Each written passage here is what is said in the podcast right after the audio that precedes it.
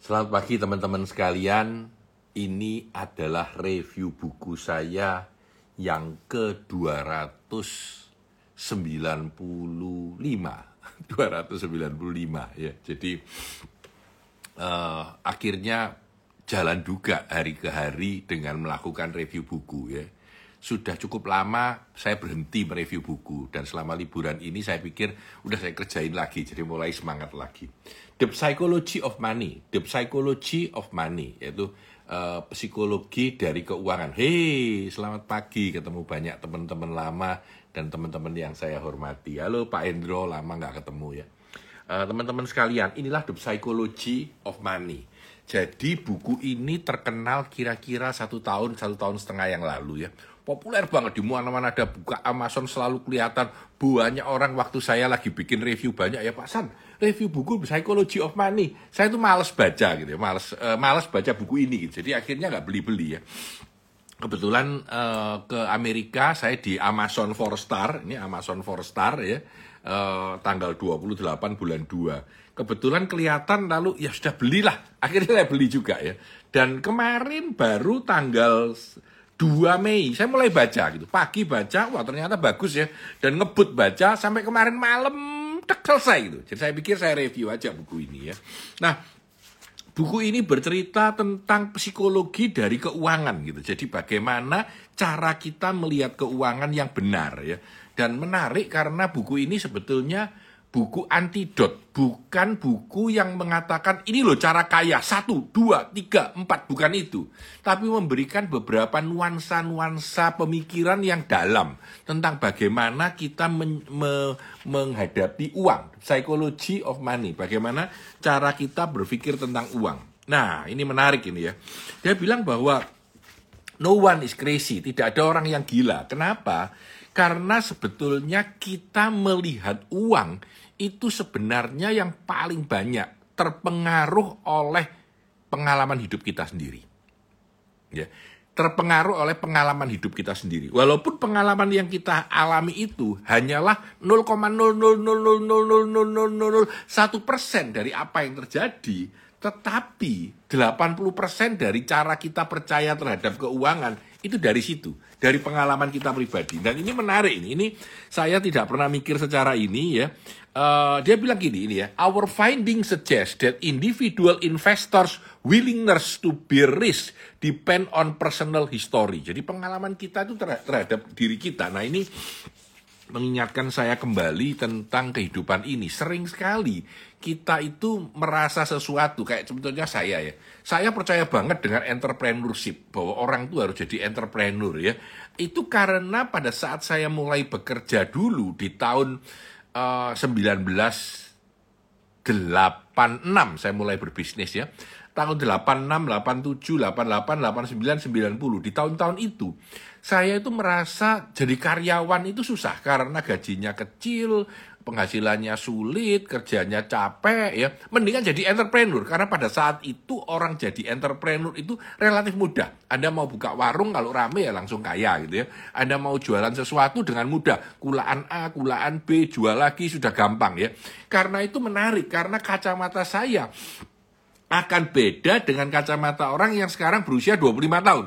Karena mereka pada saat sudah uh, lulus uh, kuliah, mereka melihat kehidupan ini berbeda dengan adanya perusahaan-perusahaan besar, dengan adanya segala macam. Ini berbeda. Nah, saya dulu paling tidak suka dengan investasi uh, saham gitu. Karena saya merasa enggak lah, saya bisa kerja sendiri, kenapa saya harus mempercayakan uang saya pada orang lain gitu ya. Makanya saya tidak pernah invest uh, saham ya. Sampai dengan hari ini pun saya tidak pernah beli saham. Lalu saya pikir kenapa ya orang zaman sekarang suka saham ya. Lalu belum lagi kena robot trading yang jelas bohong gitu ya. Mereka masih percaya. Ternyata orang-orang zaman baru ini mempunyai pengalaman yang berbeda terhadap kehidupannya. Jadi pengalaman mereka berbeda, maka kepercayaan mereka terhadap keuangan itu sangat berbeda. Nah ini menarik ya. Nah ini juga lucu, nomor dua dia bilang luck and risk ya. Jadi banyak hal sebenarnya dalam hidup ini yaitu itu adalah hoki saja gitu ya. Dan ada sebagian karena sial saja ya. Dia bilang tentang nothing is as good or as bad as it seems. Semuanya itu tidak sebagus atau seburuk yang kita bayangkan ya ini Profesor Scott Galloway yang bilang dia bilang jadi semuanya ini kita hadapi seperti apa adanya saja nah ini cerita tentang Bill Gates ya uh, saya jadi ingat tentang uh, Malcolm Gladwell punya buku Outliers ya. Dia bilang Bill Gates ini jadi hebat jadi sukses karena dia waktu SMA dia berada di satu sekolah SMA yang punya kesempatan main komputer. Padahal orang lain belum semua Ya, Bill Gates itu sama Paul Allen itu kesempatan pagi-pagi mainan komputer ya. Ketika orang lain belum belum mainan semua. Ini bahkan diakui Bill Gates di dalam interview dan di dalam bukunya.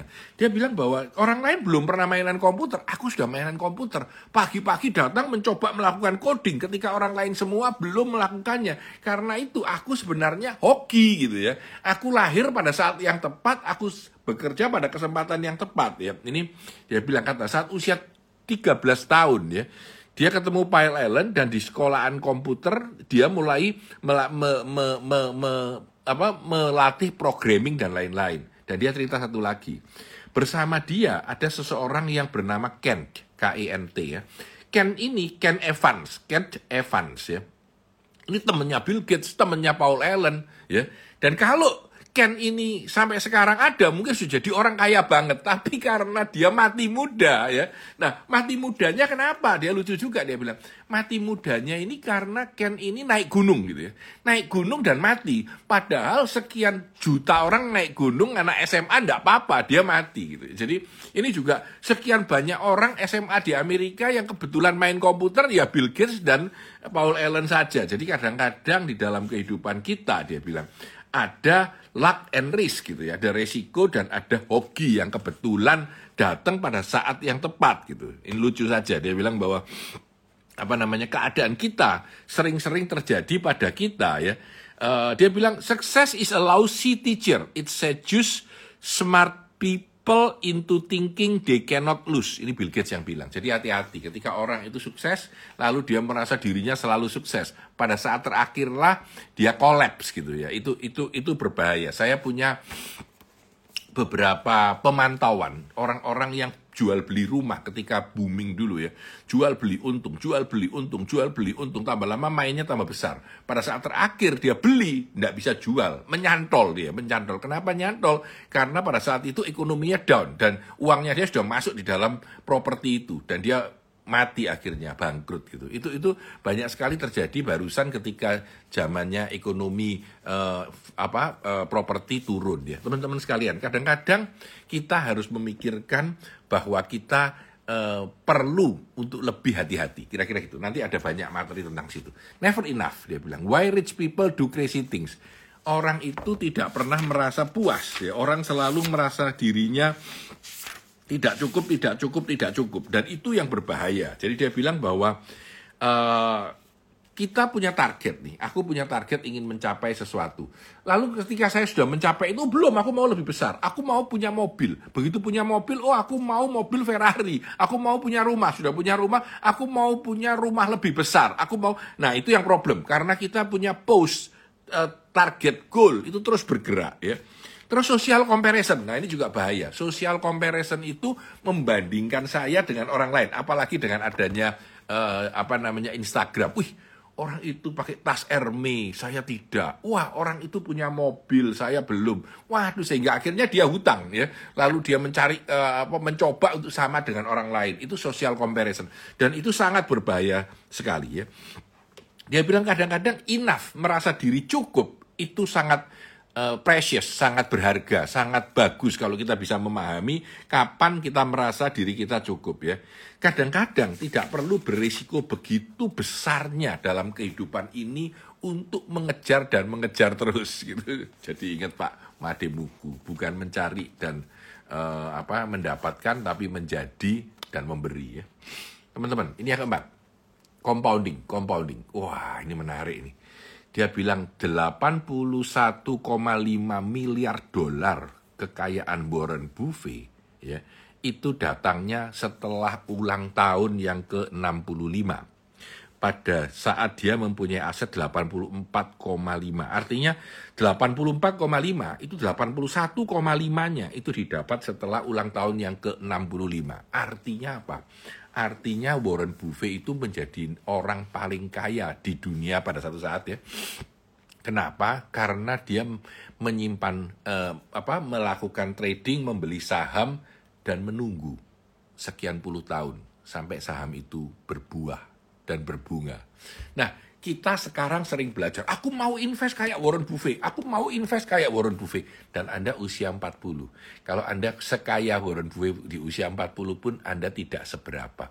Warren Buffett menjadi kaya raya karena apa? Karena waktu yang berjalan, waktu yang berjalan, waktu yang berjalan. Dengan waktu yang berjalan terus, maka semuanya tertimbun, tertutup satu demi satu demi satu, sehingga akhirnya dia menjadi kaya benar. Waktu compounding, menumpuk ya, compounding itu powerful banget ya. Karena di situlah terjadinya kekayaan. Kalau Warren Buffett itu berhenti pada usia 60, udah aku tidak mau invest uang lagi, semuanya tak masukkan, uangnya tak berhentikan ya. Maka dia tidaklah sekaya sekarang, masih jauh dari sekarang. Itu yang menarik ya. Nomor lima, getting wealthy and staying wealthy. Jadi banyak orang cepat menjadi kaya. Ini seperti perusahaan juga menjadi sukses, tahu-tahu hancur gitu ya. Inilah kekayaan manusia. Dia bilang sering sekali manusia itu berusaha menjadi kaya, berusaha menjadi kaya ya. Tetapi setelah kaya turun ke bawah. Kenapa? Karena dia makin berani berisiko, makin melakukan ke kekuatan, makin jalan terus dan itu berbahaya. Nah, dia bilang sebetulnya kalau Anda lihat ada dua mode di dalam mencari uang. Dia bilang. Yang pertama, mencoba semaksimal mungkin, berisiko, melakukan segalanya. Sampai mencapai satu titik menjadi kaya, sampai satu menjadi kaya, lalu bertahan. Nah bertahan ini moodnya disebut survival. Survival ya. Dia bilang kalau kita perlu, kita sudah kaya, maka kita harus melakukan survival ya. Dia bilang ada dua, satu I want to be financially unbreakable. Saya mau secara finansial tidak bisa patah atau break ya, tidak pecah ya. Yang kedua, planning itu penting, tetapi sering-sering plan itu tidak terjadi seperti rencana kita dan saya harus siap untuk itu. Jadi dan yang ketiga ya, eh, kita harus mempunyai apa yang disebut dengan optimistic about the future tapi paranoid about what can happen with my money gitu. Jadi dua-duanya harus ada antara apa yang disebut dengan paranoid dan apa yang disebut dengan uh, apa namanya optimistik. Jadi uh, saya saya berhenti sebentar ya. Jadi teoritis secara keuangan itu secara simpel itu disebut managing your portfolio. Saya saya lari sebentar ya mungkin karena tidak dijelaskan dengan detail di sini. Jadi kalau Anda punya uang katakanlah 100 miliar, 100 miliar ya maka Anda secara teori harus membagi berapa banyak yang saya mau bertahan dan menjaga uang itu supaya tidak berisiko. Katakanlah saya mau 60% uang itu stabil sehingga apa pun goncangan ekonomi apa pun yang paling atas ini goyang tidak apa-apa, yang 40% itu berkurang tidak apa-apa, yang 60% ini harus stabil untuk mempertahankan kenikmatan hidup saya eh, di kemudian hari. Maka 60% itu disimpan di dalam dana yang eh, apa namanya yang paling stabil. Jadi misalkan beli emas, beli tanah, terus beli bangunan ya, beli gedung, beli aset ya. Ini kemungkinan runtuhnya jauh lebih kecil tapi tidak menghasilkan return yang bagus. Nah, 40% ini saya bagi dua. Yang 20% saya mau untuk bermain saham karena saya tahu saham ini bisa naik bisa turun. Jadi bisa juga yang 20% ini tiba-tiba tumbuh lebih banyak bisa bisa bisa juga tidak. 20% yang paling atas itu saya pakai untuk bisnis yang paling berisiko. Mungkin saya jadi venture capital mungkin saya memulai startup bisnis mungkin saya melakukan sesuatu uh, apa namanya ti, apa uh, investasi yang berisiko. Sehingga yang 20% ini bisa aja habis. Atau bisa aja sisa 5%. Tapi bisa juga jadi 50%. Ya, itu itu itu konsep pemikiran dari portfolio, yaitu membagi risiko kita menjadi 3, 4, atau 5 potong, lalu membagi di dalam tiap potong itu saya invest di mana. Itu kira-kira bagaimana kita memanage risiko di dalam pemikiran yang paling sederhana tentang portfolio. ya. Oke, saya lanjutkan. Nomor 6, tails you win. Tails you win. Dia bilang, kamu bisa salah 50% atau lebih dari waktu dan tetap kaya. Dan di sinilah diceritakan tentang skill dan luck. Nah ini ceritakan tentang uh, venture capital. Jadi dia cerita tentang venture capital ya. Uh, katanya sejak dari lima uh, kalau uh, venture capital investasi di 50 perusahaan, separuh itu akan hilang, ya. 10 akan oke, okay, bagus, satu atau dua yang akan membuat kita kaya raya. Nah, ini sebuah datanya, ini datanya, ya. Dari tahun 2004 sampai 2014, 10 tahun, ya, ada 21 ribu venture yang diinvestasi oleh venture capital, ya. 65 persen rugi, 65 persen rugi. Dua setengah persen, ya, membuat profit 10 kali sampai 20 kali lipat. Wah, keren ini. Membuat profit 10 sampai 20 kali lipat. Ya. Satu persen memberikan profit di atas 20 kali lipat. Dan setengah persen, setengah persen, setengah persen. Ya. 100 perusahaan setiap dua, dari 21 ribu perusahaan itu membawa profit 50 kali lipat atau lebih. Jadi itulah resiko. Jadi kalau Anda memahami ini, Anda tahu yang disebut dengan resiko ya. Dia bilang tails you win, tetap saja walaupun cuma sedikit yang profit, tetapi venture capital itu untung. Kenapa? Karena yang dia yang dia pegang untung itu untungnya berlipat-lipat. Tapi banyak juga yang salah dan yang tidak untung gitu ya. Jadi ini ini menarik. Nah, kembali ke Warren Buffett tadi. Dia bilang Warren Buffett itu selama hidupnya dia invest di 400 sampai 500 perusahaan. Saya ulangi, dia invest di 400 sampai 500 perusahaan. Dia masukkan uangnya di sana. Oke ya. Dan dari semua itu yang hebat cuma 10. Jadi dia bilang kalau 10 perusahaan dari 400 sampai 500 perusahaan yang saya invest ini diambil, dihilangkan, maka saya juga seperti manusia biasa, tidak hebat. Tapi pada saat tertentu ketika dia pas, dia mendapatkan jackpot, gitu, mendapatkan sesuatu yang hebat. ya. Jadi itulah yang disebut dengan luck and risk. Ya. Oke, kembali, freedom. Nah, saya suka ini. Saya suka banget dengan pemikiran sederhana ini. Dia bilang hasil terbesar seorang investor, seorang penanam uang adalah ketika dia mempunyai kebebasan melakukan apa saja yang dia ingin lakukan. Wah, keren. Keren. Dia bilang ya, jadi the highest form of wealth is the ability to wake up every morning and say, I can do whatever I want today. Bagus banget ya. Saya juga merasa keren. The ability to do what you want, when you want, with who you want, as long as you want, is priceless. It is the highest dividend money pays. Jadi tiap orang itu kan tadi sudah dibilang kacamatanya beda cara melihat uang tergantung dari pengalamannya dia.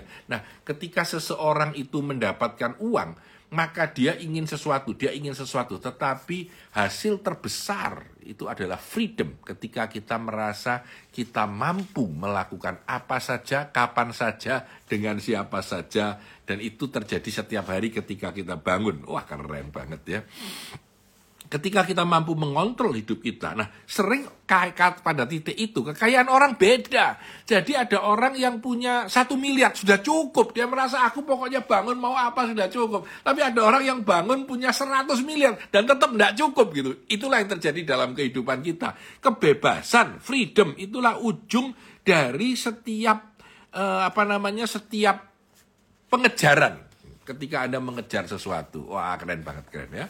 Oke, Man in the car paradox. Ini singkatnya adalah bilang bahwa orang-orang yang berada di dalam Ferrari, Lamborghini, Rolls Royce dan lain-lain itu kasihan. Kenapa? Karena orang lain cuma memperhatikan mobilnya dia dan tidak memperhatikan dia, tidak uh, memperhatikan apa namanya apa yang dia punya. Wealth is what you don't see. Kekayaan kita itu bukan yang kita lihat karena di Facebook kita naik jet pribadi, kita punya Ferrari dan lain-lain ya itu yang kita show off kan. Kekayaan itu yang justru tidak terlihat, yang disimpan. Nah ini menarik dia bilang ya.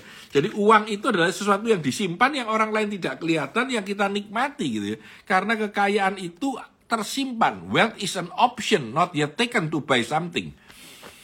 Ketika kita tidak pakai untuk belanja itu kekayaan kita. Ketika kita belanja dengan uang banyak, maka kita menjadi kurang kaya atau kekayaan kita berkurang ya. Apalagi kalau jor-joran ya. Yang satu orang punya mobil bagus, Dan yang lain lihat, waduh kawanku punya mobil bagus, aku ya harus utang uang punya mobil bagus. Dan kasihan karena dia harus mencicil, harus membayar tiap bulan, harus dikejar-kejar oleh penagih hutang. Wah itu kasihan banget ya. Kenapa? Karena dia hanya ingin terlihat kaya. Sebenarnya tidak perlu karena kekayaan yang sebenarnya tidak terlihat gitu ya. Nah ini saran yang menurut saya saran kuno, save money, tapi tidak umum buat orang Amerika. Jadi tidak umum untuk orang Amerika menyimpan uang. Tapi orang Asia, terutama zaman dulu punya orang China, itu sangat kebiasaan untuk menyimpan uang dan tidak memakainya. Ya. Jadi uh, kita harus bisa menyimpan uang, simple saja. Ya. Dia bilang bahwa uh, more importantly the value of wealth is relative to what you need. Apa yang kamu butuhkan dalam hidup ini dan kamu punya. Itu yang paling penting ya. Jadi dia bilang save money, simpanlah uang ya. Bahkan ketika kamu tidak punya alasan untuk menyimpan uang itu simpanlah uang itu karena suatu saat kamu akan butuh gitu ya. Tapi kamu tidak tahu sekarang. Pakai dulu simpan dulu supaya kamu punya simpanan uang ya. Dia bilang e, apa namanya banyak orang yang lupa untuk menyimpan uang ya. Jadi yang penting itu harus bisa save money. Ya itulah Oke, kita kembali ke reasonable lebih besar dari rasional. Jadi dia bilang bahwa ketika Anda menyimpan uang, ketika Anda ini the psychology of money, ketika Anda invest, ketika Anda mau menanamkan uang, ketika Anda mau membeli saham, ya, jangan terlalu rasional karena pada akhirnya manusia itu tidak rasional ya. Karena kamu bukan spreadsheet ya. Kamu adalah a screw up emotional person. Jadi kamu harus ingat bahwa kamu akan terpengaruh oleh segala keadaan yang ada dan pada saat emosimu main hati-hati karena di sanalah terjadi sesuatu yang bisa salah ya. Jadi uh, saya kira yang paling penting itu kita harus hati-hati terhadap emosi yang berjalan ya. Sebentar, saya saya saya lihat lagi ya. Yang men, ini menarik ini. Dia bilang tentang surprise ya, di kalimatnya surprise ya.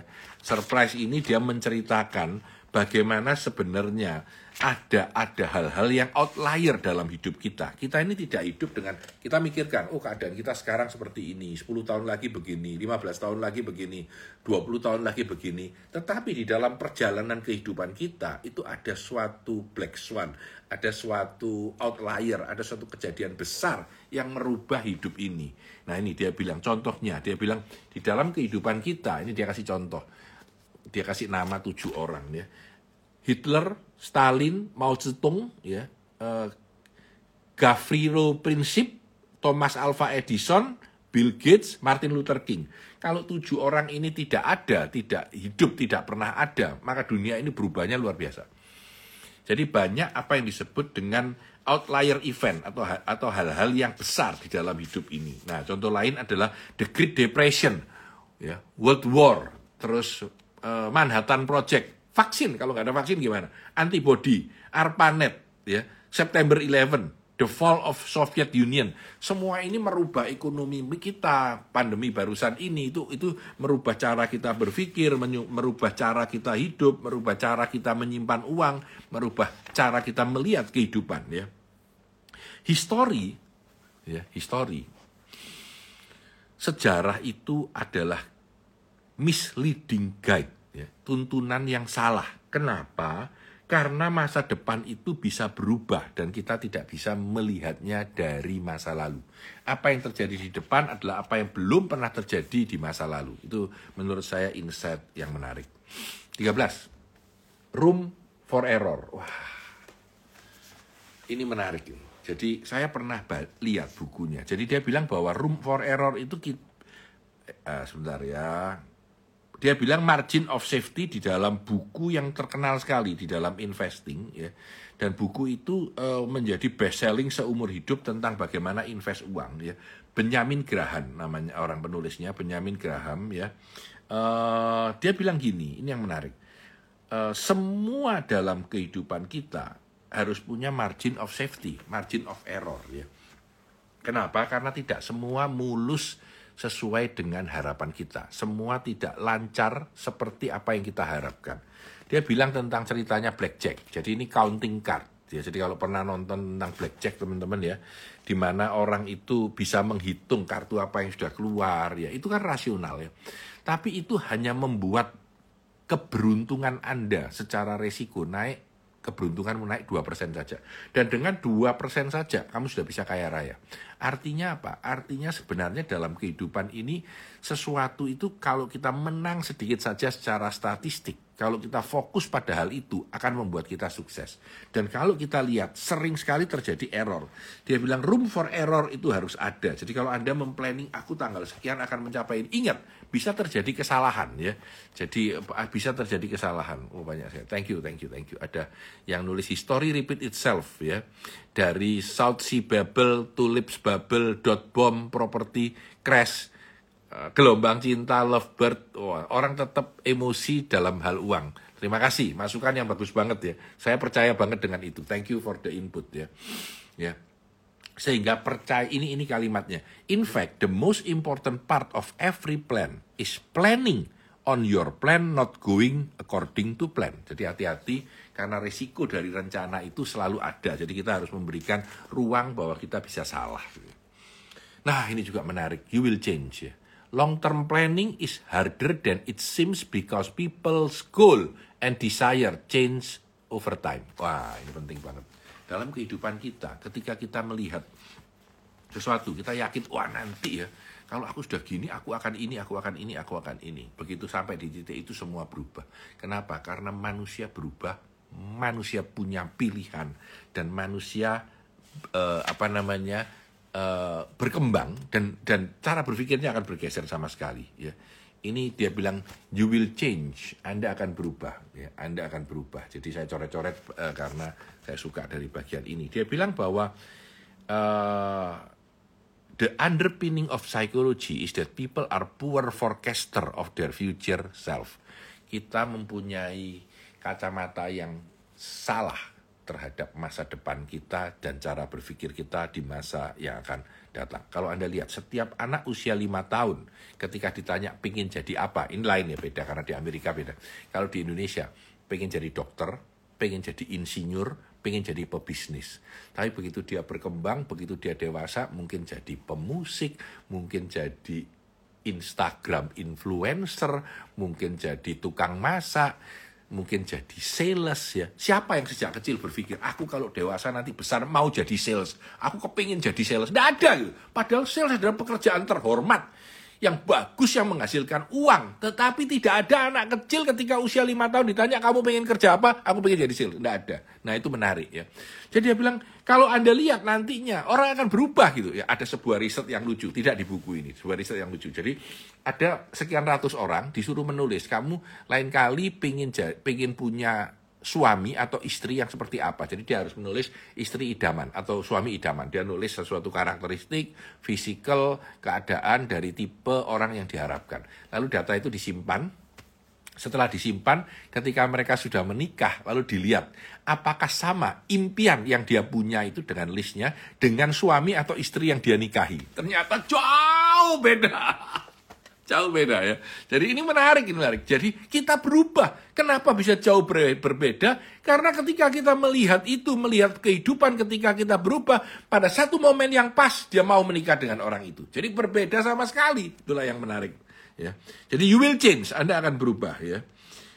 All of us, ya, all of us are walking around with an illusion, an illusion that our history, our personal history, ya, has just come to an end that we are recently become people that we are always meant to be and we will and, and we will be that that person for the rest of our life. Kita akan jadi orang seperti yang kita idamkan, rasional dan lain-lain. Padahal kita tidak. Ya, itu menarik.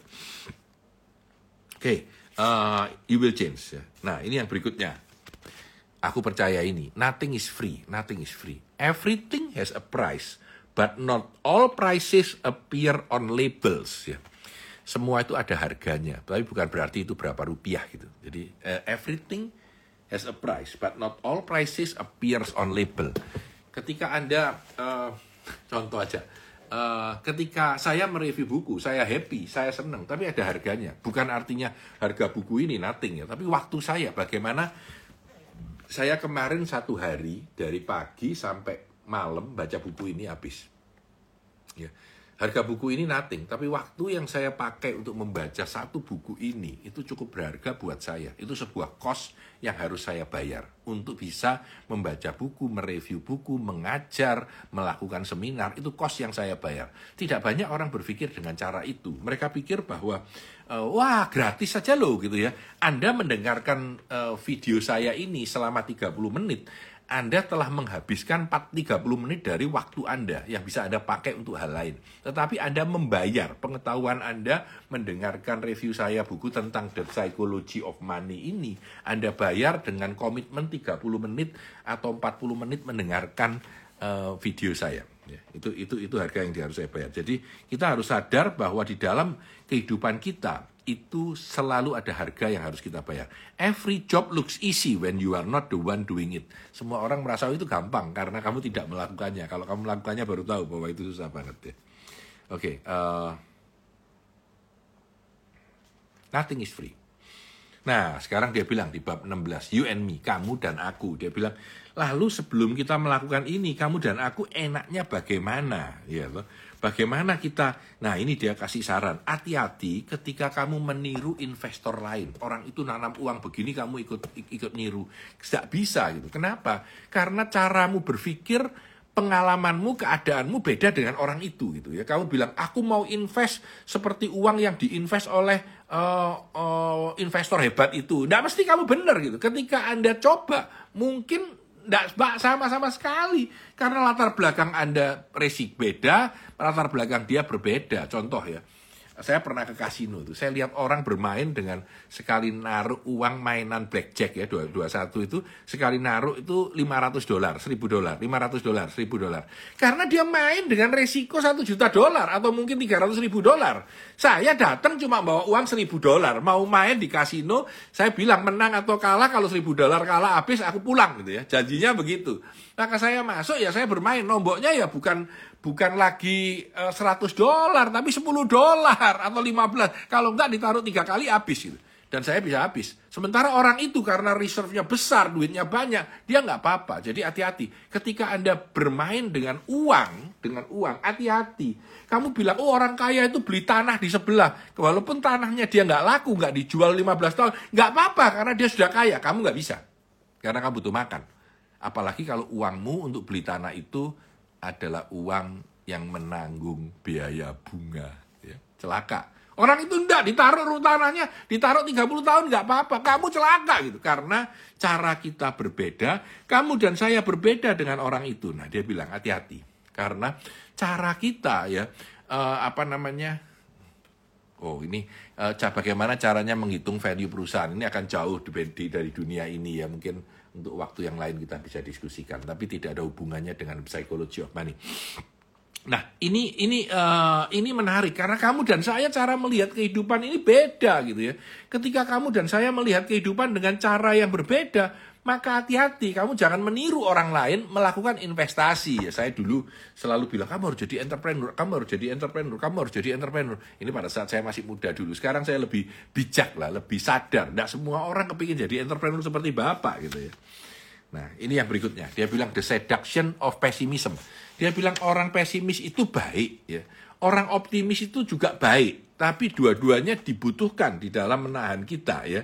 Jadi kita harus perlu untuk melihat bagaimana pesimisme dan optimisme itu harus digabung dua-duanya. Saya ingat dua cerita yang terlepas dari sini. Dulu orang selalu bilang, jangan pakai kertas, jangan pakai kertas karena kertas itu membuat kita harus me, me, me, mengambil pohon ya, mencacahnya menjadi kertas dan itu membuat pohon-pohon di dunia gundul ya. Jadi jangan pakai kertas ya. Maka orang tidak pakai kertas berusaha pakai yang lain.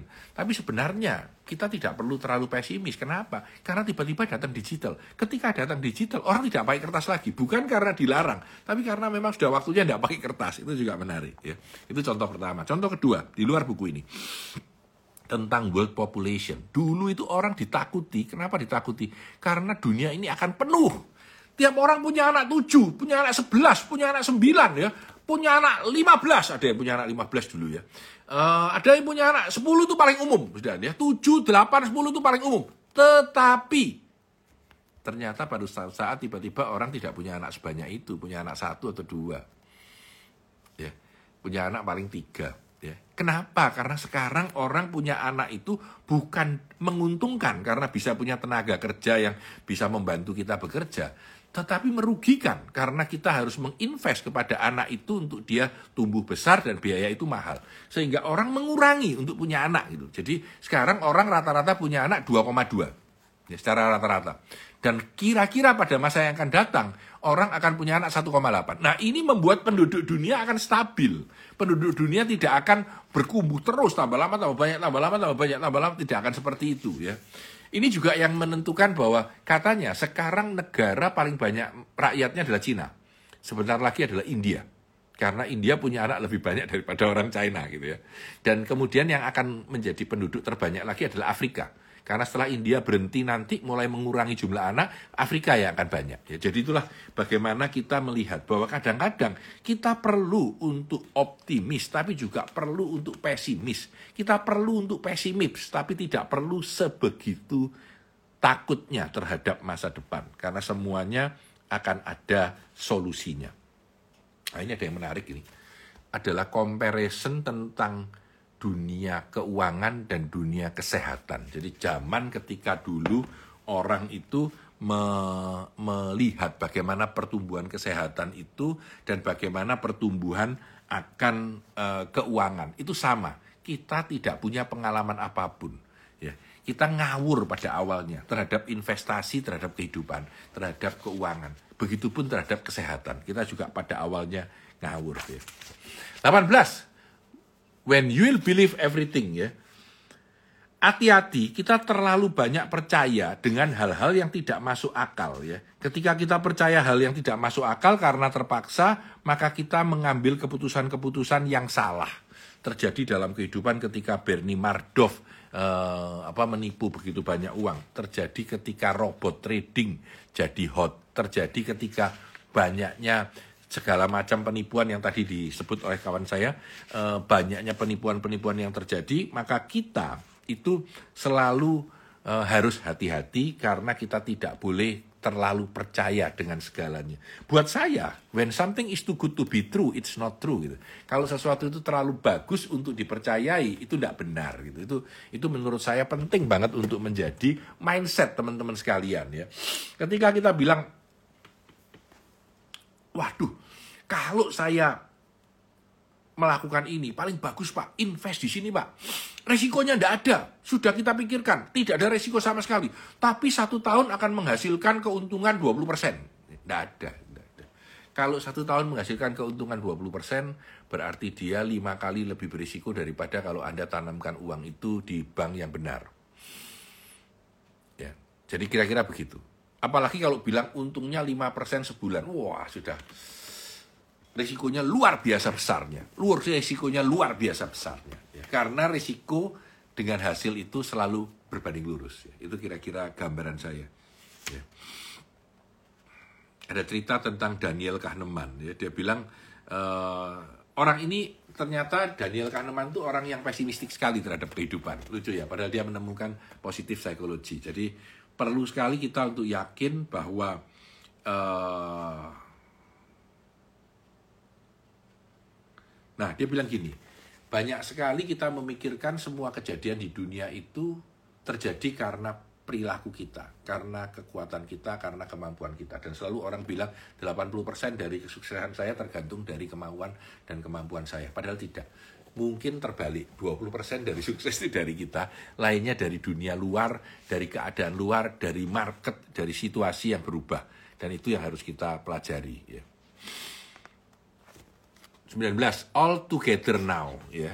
Uh, apa yang sudah kita jadikan jadi satu ya? Jadi dia bilang bahwa uh, kita perlu untuk sadar ya bagaimana kita memanage uang. Jadi di sini adalah tips-tips yang dia berikan. Gitu. Jadi cukup banyak ya. Jadi dia bilang uh, selalu harus merasa rendah hati terhadap kehidupannya. Ada manajelah keuangan Anda dengan yang dengan cara di mana Anda bisa tidur pada saat malam hari. Ya. Terus uh, harus sadar bahwa oke okay, kalau itu sesuatu itu salah karena memang sesuatu itu akan salah ya.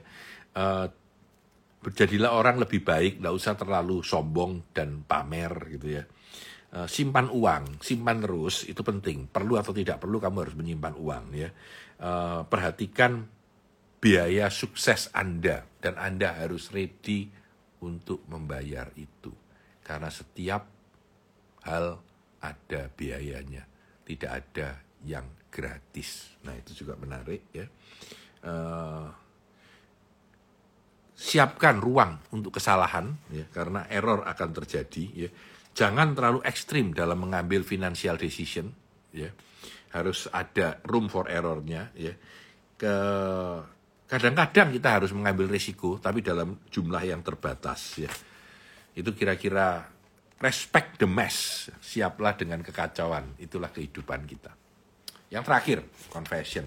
Confession ini menarik. Confession ini bilang ini loh yang aku lakukan dengan uangku dia bilang gitu ya dia bilang uh, ada satu cerita yang menarik sekali. Dia bilang ada sebuah riset yang bilang bahwa apa yang dilakukan oleh seorang dokter terutama dokter kanker ini benar banget ya. Dia bilang oh kamu harus di kemo kamu harus di operasi kamu harus di ini. Lain dengan apa yang dilakukan oleh dokter itu kalau dia menghadapi kanker itu. Saya pernah bicara dengan seorang dokter dan dia bilang Iya Pak San, kalau dalam kehidupan ya kita nyarankan orang kemoterapi ini suntik ini sih, wah, pokoknya diantem terus ya. Terus saya tanya, kalau kamu nggak kanker gimana? Ah, saya akan lebih tenang Pak, nggak usah terlalu banyak kemo. Kemo itu tidak selalu menyelamatkan orang. Ya, kemo itu resikonya banyak, membuat kita hidupnya menjadi tidak nyaman. Jadi hati-hati ketika orang itu memberi saran keuangan, apakah dia melakukan itu sendiri atau tidak. Terutama konsultan keuangan. Jadi dia invest juga di situ enggak? Dia punya resiko enggak dengan mengatakan Anda investlah di sini? Memang banyak orang yang karena kebodohan dan ketidaktahuannya, lalu dia invest pada sesuatu yang besar ya, tapi dia sendiri juga invest karena dia memang juga bodoh gitu ya. Tapi orang yang pandai, orang yang cerdas, apakah dia melakukan sarannya? Itu disebut confession. Dan ini postscript catatan kecil di mana dia menjelaskan apa yang terjadi di Amerika sampai sekarang dengan kejadian-kejadian besar mulai dari zaman perang lalu sampai saat ini.